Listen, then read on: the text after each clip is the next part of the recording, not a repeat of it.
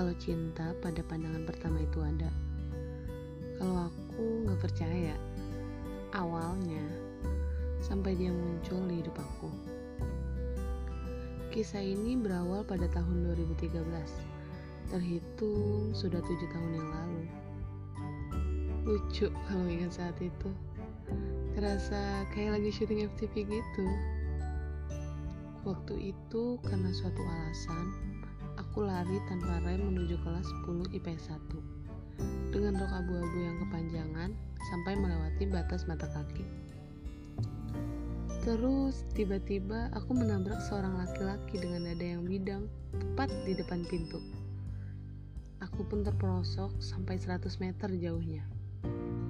Aku pusing dan hanya bisa diam menutup wajahku dengan kedua tangan sampai uluran tangan terlihat di depan mata. Aku pun bangun tanpa meraih uluran tangan itu. Lalu duduk di kursiku. Mau tahu nggak lucunya di mana? Dada bidang yang kutabrak dan uluran tangan yang menolongku adalah milik dua orang yang berbeda.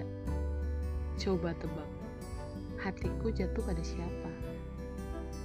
Mungkin sebagian dari kalian mengira aku jatuh cinta pada orang yang mengulurkan tangannya untuk menolongku.